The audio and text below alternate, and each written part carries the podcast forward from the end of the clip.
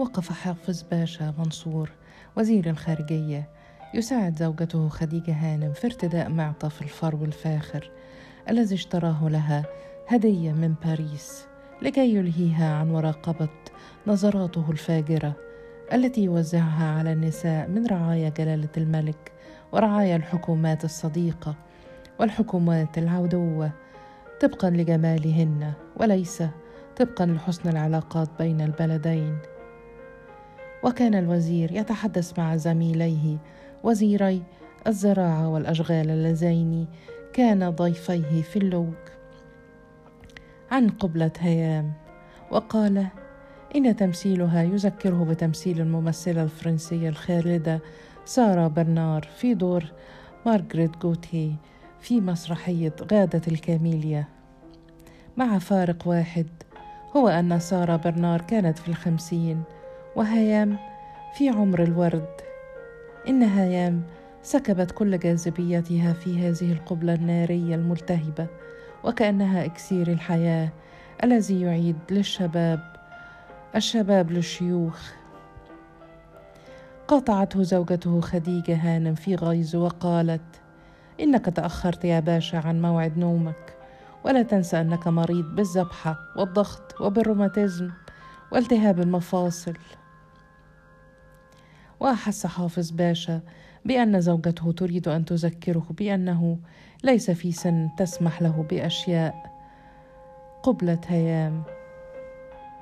فأسرع يتحدث عن بعض أخطاء لاحظها في الإضاءة والمناظر والديكور وأن صوت الملقن كان في بعض الأحيان أعلى من صوت الممثلين. وبدأ على وجه خديجة هانم الرضا وكأنها قطعت جثة الممثلة هيام إلى أجزاء صغيرة ووضعتها في زجاجات دواء زوجها الوزير العجوز. وبقي الأمير الشاب كمال الدين إبراهيم جالسا في البنوار رقم واحد يمين ومعه سكرتيره الخاص. ينتظر حتى يخرج المتفرجون من المسرح حتى لا تتكسر في الزحام بدلة الأمير أو تتكرمش. هذه البدلة التي لا تزال تبدو منتظمة ومهندمة كأنها خارجة من محل المكوجي أو كأن السكرتير كان يحمل مكواة طوال عرض المسرحية يكوي بها بدلة الأمير فوق جسمه. حتى تبقى له أناقته التي يحرص عليها سموه حرصه على لقب الإمارة. وكان الأمير الشاب لا يزال يحملق في المسرح. وكأن الستار لم يسدل من بضع دقائق وكأنه لا يزال يرى هيام في قبلتها الحارة التي الهبت مشاعر المتفرجين. وفي البار الذي إلى يمين باب الخروج من الصالة خرجت الأصوات والضحكات مختلطة بدخان السجائر الكثيف. وكان معنى هذا أن عددا من الصحفيين والأدباء والكتاب والنقاد قد اختلفوا إلى موائد البار يشربون كؤوسا من الويسكي أو شبا من البيرة ويتحدثون عن المسرحية التي دعوا لحضور حفل افتتاحها. وكانوا كلهم يلتفون حول الأستاذ عبد المجيد حلمي صاحب مجلة المسرح والناقد المسرحي المشهور. وكان أطولهم قامة وأطولهم لسانا وعرف بهجومه العنيف على يوسف وهبي وسخريته من طريقته في التمثيل واتهامه له بالدجل والتهويش. وكان الممثلون والممثلات يخشون قلمه. كان يكتب دائما بالخنجر لا بالقلم. ولهذا كان الدم الذي يريقه على الورق أكثر من الحبر الذي يكتب به الكلمات. وقال الأستاذ عبد المجيد إن هيام لم تمثل القبلة لأنها تعيش في قبلة دائمة. إنها تمرنت طوال حياتها على طبع القبلات. إنها أستاذة في هذا المضمار. فالقبلة التي رأيناها لا يمكن أن تكون قبلة الممثلة الوقور المحافظة التي لا تعرف الهوى والغرام. هذا الدور الذي تقوم به هيام في حياتها الخاصة وتريد أن توهمنا أنه دورها الحقيقي وإنها لا تمثل. إنني لم أقتنع أبدا بما يقال عنها من أنها عذراء المسرح وأنها وهبت حياتها للفن. هذه دروس للتهويش والتدجيل تعلمها الممثلون والممثلات في مدرسة يوسف وهبي. إن ناقدا مثلي أمضى عمره في المسرح يستطيع أن يفرق بين القبلة الحقيقية والقبلة المزيفة. إن قبلة هيام الليلة فضحتها إنها عرتها تماما. إن هيام في رأيي هي دكتور جيكل ومستر هايد لها شخصيتان سيدة محترمة وغنية راهبة الفن وفاجرة الفن في الوقت نفسه. إنها نجحت في خداع الناس لأنها امرأة كتوم. تعرف كيف تخفي أسرارها عن عيون الفضوليين بألسنتهم الثرثارة. ولهذا فهي دائما تحاول أن تقنعنا نحن النقاد بأنه ليست لها حياة خاصة وأنها وهبت نفسها للفن وأنها عذراء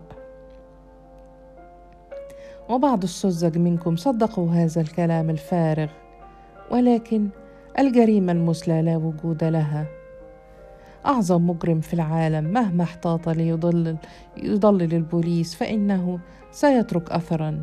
وهذه القبلة التي رأيناها الليلة هي الدليل القاطع على أن هيام كانت تضللكم وتخدعكم وتسخر منكم جميعا.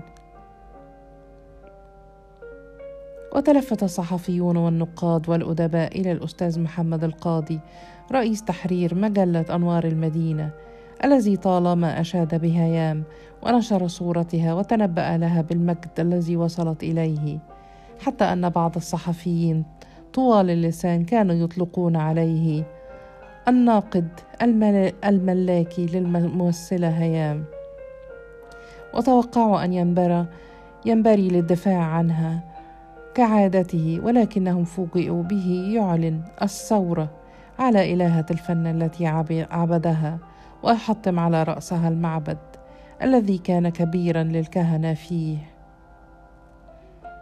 قال الأستاذ القاضي إنه لا يعتقد أن هذه القبلة تمثيل إنها قبلة حقيقية. لا يمكن أن يكون الذي رأيناه الليلة تقمصا في شخصية أو اندماجا في دور مسرحي. إنه أكثر من هذا. إنه حب حقيقي.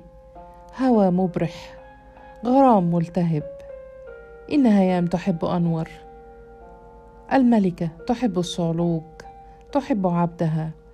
إن أنور بين ذراعيها بدا وكأنه بلا حراك كأنه فقد النطق.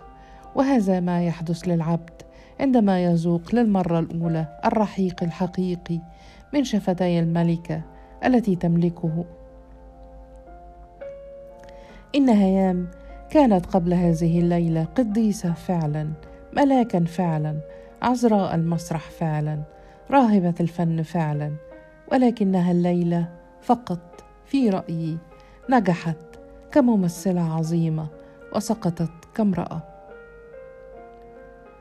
وتهامس الصحفيون الصغار الواقفون تهامسوا أن قبلة هيام الليلة تغيظ فعلا تغيظ كل من أحبها.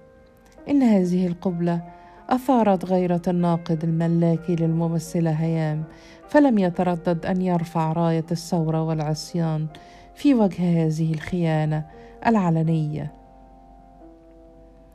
ولكن أحدا من النقاد الكبار لم يسمع همسات النقاد الصغار فقد كانوا مشغولين في ملء أقداحهم التي فرغت بالويسكي من جديد. وتدخل الأستاذ محمد علي المحرر الفني لجريدة البيان في الحديث. إنه اشتهر بنقده الموضوعي وأسلوبه الجاد في تحليل المسرحيات وهو عندما يكتب يقيس كلماته بالمسطرة فلا يعطي ممثلا ثناء أكثر مما يستحق ولا يحرم ممثلة ناشئة ناجحة من نفس المساحة التي تحتلها ممثلة كبيرة فشلت في دورها. وكان إذا تكلم يبدو كقاض يصدر أحكاما لا تقبل النقد والإبرام ولهذا كان يلقى الاحترام من قرائه وزملائه قال الأستاذ محمد علي وهو يمسح نظارته بتوأده ويعيدها إلى أنفه إن هيام تفوقت على نفسها إنها تخدعنا في كل دور تقوم به. عندما رأيناها في دور العاشقة الصغيرة في مسرحية سنة أولى حب قلنا إنها تشكو من الكبت وتتعذب من الحرمان ويشقيها الجوع للرجال وإنها مراهقة في سن الثلاثين. وعندما رأيناها في دور الزوجة المهجورة في مسرحية الدموع أنا خرجنا نؤكد أنها لا بد قد صدمت في حب عنيف. وأن الحب حطمها وحولها إلى حفنة من رماد. وعندما شاهدناها في مسرحية الجائعة وقامت فيها هيام بدور عانس فاتها سن الزواج ولم تذق تذق طعم الحب. قلنا إن سبب نجاح هيام في هذا الدور أنها تقوم بدورها الحقيقي في الحياة وأنها عانس فعلا بسبب العزلة التي فرضتها على نفسها. لا بد وأنها كانت تندب حظها. لا تبكي فقط بطلة دور الجائعة. تبكي شبابها الضائع تلعن رجال الدنيا جميعا. الذين جبنوا ولم يفكر واحد منهم أن يحطم هالة القداسة التي تحيط بها ويغتصبها. فالذي يحدث دائما ان هيام تتقمص كل دور تقوم به. وتجعلنا نتصور بسذاجة أن كلمات المسرحية هي كلماتها هي. إنها تنسينا بروعة أدائها أنها تمثل. إننا نسقط في كل مرة في الفخ الذي تنصبه لنا. نحن النقاد الفيران الذين ندخل في مصيدة تمثيلها الرائع. ونحن داخل المصيدة نبحث ونناقش ونتشاجر. في تطبيق دورها على المسرح على حياتها الخاصة. ونبقى فيه داخل هذه المصيدة إلى أن تمثل دورا جديدا. فتفتح لنا باب مصيدة جديدة ندخل فيها. إننا بدلا من أن نخرج من صالة المسرح بعد انتهاء الرواية نجدها حملتنا إلى خشبة المسرح بغير إرادتنا ووزعت علينا العبارات التي تريدنا أن نقولها. ومناقشاتنا وخلافاتنا وتفسيرنا هو الضجه التي تريدها هيام. هي الطبول التي تدق إعلانا لمقدم الغازي المنتصر. وبعضنا يتصور أن هذه الطبول تزعجها ولكن المسرحية لا تنجح في بلادنا إذا مدحها كل النقاد وإنما يتزايد الإقبال عليها كلما اختلف الكتاب في شأنها.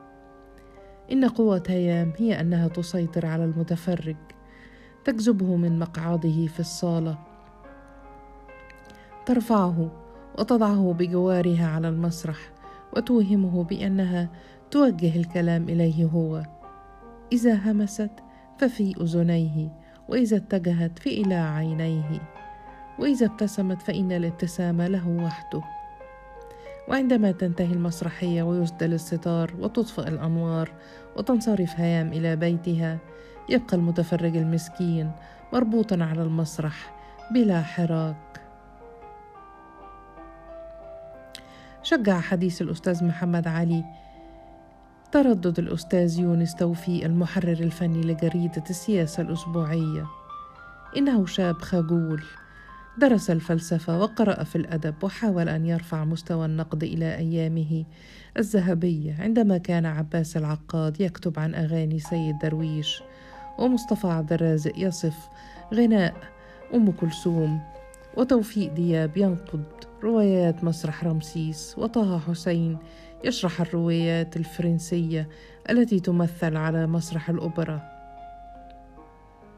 قال الأستاذ يونس إنه يشك في أن تكون بين الممثلة العظيمة هيام والممثل الناشئ أنور فتحي علاقة غرام. إن المرأة القوية تعشق رجلا أقوى منها وتتزوج رجلا أضعف منها.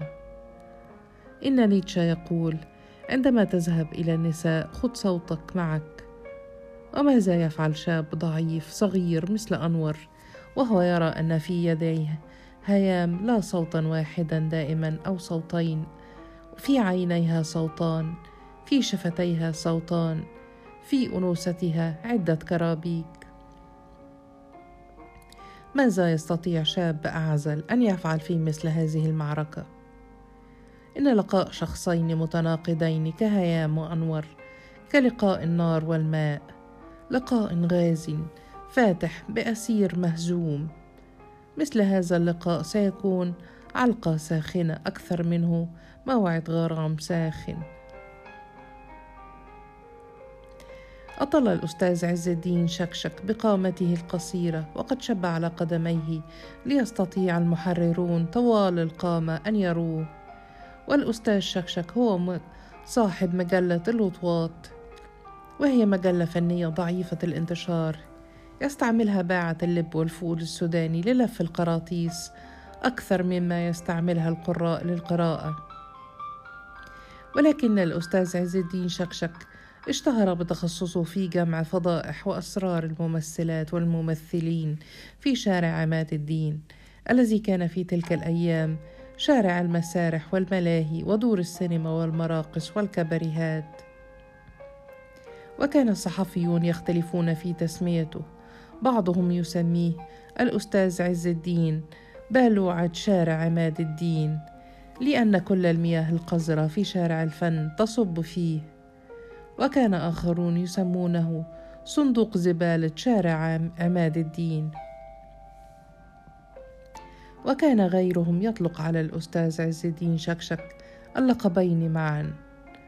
وكان الأستاذ شكشك إذا دخل مكانا فيه صحفيون وكتاب أسرعوا ووضعوا أيديهم على أفواههم وأنوفهم يسدونها. فقد كان أشبه بمجرور يمشي على قدمين تفوح منه روائح كريهة غريبة إما لأنه لا يستحم أبدا ويخاصم الصابون خصامه لكل شيء نظيف وإما لكثرة الفضائح التي يحملها في جيوبه وعلى لسانه. ولم يكن الصحفيون يخفون هذه الحركة عن الأستاذ شكشك ومع الأيام أصبحت تحية رسمية له فما يكاد يقول السلام عليكم حتى يسرع الجالسون ويضعون أيديهم على أنوفهم وكأنهم يقولون وعليك السلام ورحمة الله وبركاته قال الأستاذ شكشك إن ما يقوله الأستاذ يونس توفيق المحرر الفني لجريدة السياسة الأسبوعية عن رأي نيتشه في الممثلة هيام كلام فارغ. إن نيتشه لم يعش في شارع عماد الدين ولو جاء إلى شارع عماد الدين لكانت مجلة الوطواط أول من عرف بوصوله. وضحك الجالسون لجهل الأستاذ عد الدين شكشك ورفضوا أن يقولوا له إن نيتشه فيلسوف ألماني. مات قبل أن تولد مجلة الوطواط والأستاذ شكشك بسنوات طويلة. ومضى عز الدين شكشك يفتي باعتباره مالك الوحيد في المدينة مدينة الفضائح والأسرار وقال إن كل ممثلة لها طريقة خاصة لتندمج في دورها وإن ممثلة كبيرة ذكر اسمها كانت تصر قبل أن تقوم بدورها الأول في مسرح رمسيس أن يحضر يوسف وهبي إلى غرفتها ويمضي بين ذراعيها ربع ساعة لتهيأ نفسيا للاندماج في دورها. فإذا لم يذهب يوسف وهبي إلى غرفتها ويقم بهذه المهن المهمة امتنعت عن الظهور على المسرح وادعت أنها مريضة. وكان يوسف وهبي يضطر أن يقوم بهذه العملية على مضض. إنقاذا للمسرحية التي كانت هذه الممثلة تقوم بالدور الأول فيها وتحمل المسرحية كلها على كتفيها. وإن ممثلة أخرى كانت لا تستطيع أن تندمج في التمثيل إلا إذا ضربها عشيقها علقة قبل رفع الستار. وإن الراقصة المشهورة فلانة كانت لا تستطيع أن تظهر على المسرح إلا وهي مخمورة. فإذا لم تجد زجاجة الويسكي بكت وأبت أن تخلع ملابسها وتظهر على المسرح. وقالت أنا بنت ناس ولا يمكن أن ترى الجماهير الغريبة فخدي العاري أو صدري المكشوف. والممثلة المشهورة هيام لها هواية إبدال الرجال إنها تغير الرجال كما تغير جواربها وعندما تخلع الجورب من قدميها تضع في هذه القدم رجلا. وفي الصباح تخلع الرجل وترميه وترتدي جوربا نظيفا. وأضاف الأستاذ شكشك أن عصفورة مجلة الوطواط التي تجيء له بالأسرار والأخبار أكدت له أن الممثل أنور فتحي سيمضي هذه الليلة بين ذراعي الممثلة هيام وأن العصفورة تؤكد أن ليلة ستكون حمراء يرقص فيها الشيطان عاريا حتى الصباح. وبحركة مسرحية أخرج الأستاذ عز الدين شكشك جنيها من جيبه وقال بحركة مسرحية من منكم يراهنني بجنيه في مقابل جنيه؟ أن أنور فتحي سيكون بعد نصف ساعة بالضبط في غرفة نوم هيام. ولكن أحدا من الصحفيين الواقفين لم يقبل الدخول معه في رهان لأنهم يعرفون أن الأستاذ شكشك لا يدفع الرهان الذي يخسره ولأنهم يعرفون أن عصفورة مجلة الوطواط لا تتحرك من رأس شكشك ولا تعرف ما يجري في غرف النوم لأن هذه العصفورة كانت وشما في جبهته. جاء به من قريته ثم أزاله بالكي بالنار عندما أصبحت العصفورة نكتة على شفاه الممثلين والممثلات. ونقل العصفورة إلى صفحات مجلة الوطواط وهم يعلمون أنه يحقد على كل ممثلات مصر منذ أن تطلقت منه زوجته الراقصة امتثال وفضحته في كل الوسط الفني وأطلقت عليه لقب الأستاذ شكشك أغا. ومن أجل ذلك أصبح الأستاذ شكشك أغا يتخيل دائما فضائح موهومة وأحداثا لم تحدث ولكنها تجري في غرف نوم الممثلات وتصفها مجلة الوطواط وصفا فاضحا مثيرا يصدقه السذج الذين يشترون القصص الرخيصة التي تباع في ميدان العتبة الخضراء عن المرأة التي أكلت زرع زوجها والرجل الذي تزوج 180 امرأة ولا زال يبحث عن عروس جديدة ويأكل 48 رغيفا فالطقة الواحدة. وتجاهل الأدباء والصحفيين أسرار الأستاذ شكشك وانصرفوا عنه ومضوا يتحدثون عن القبلة التي طبعتها هيام على شفتي أنور فتحي. إن هذه القبلة لا تزال في خيالهم لا يزالون يعيشون في حرارتها لا تزال في شفاههم. بقية من حلاوتها.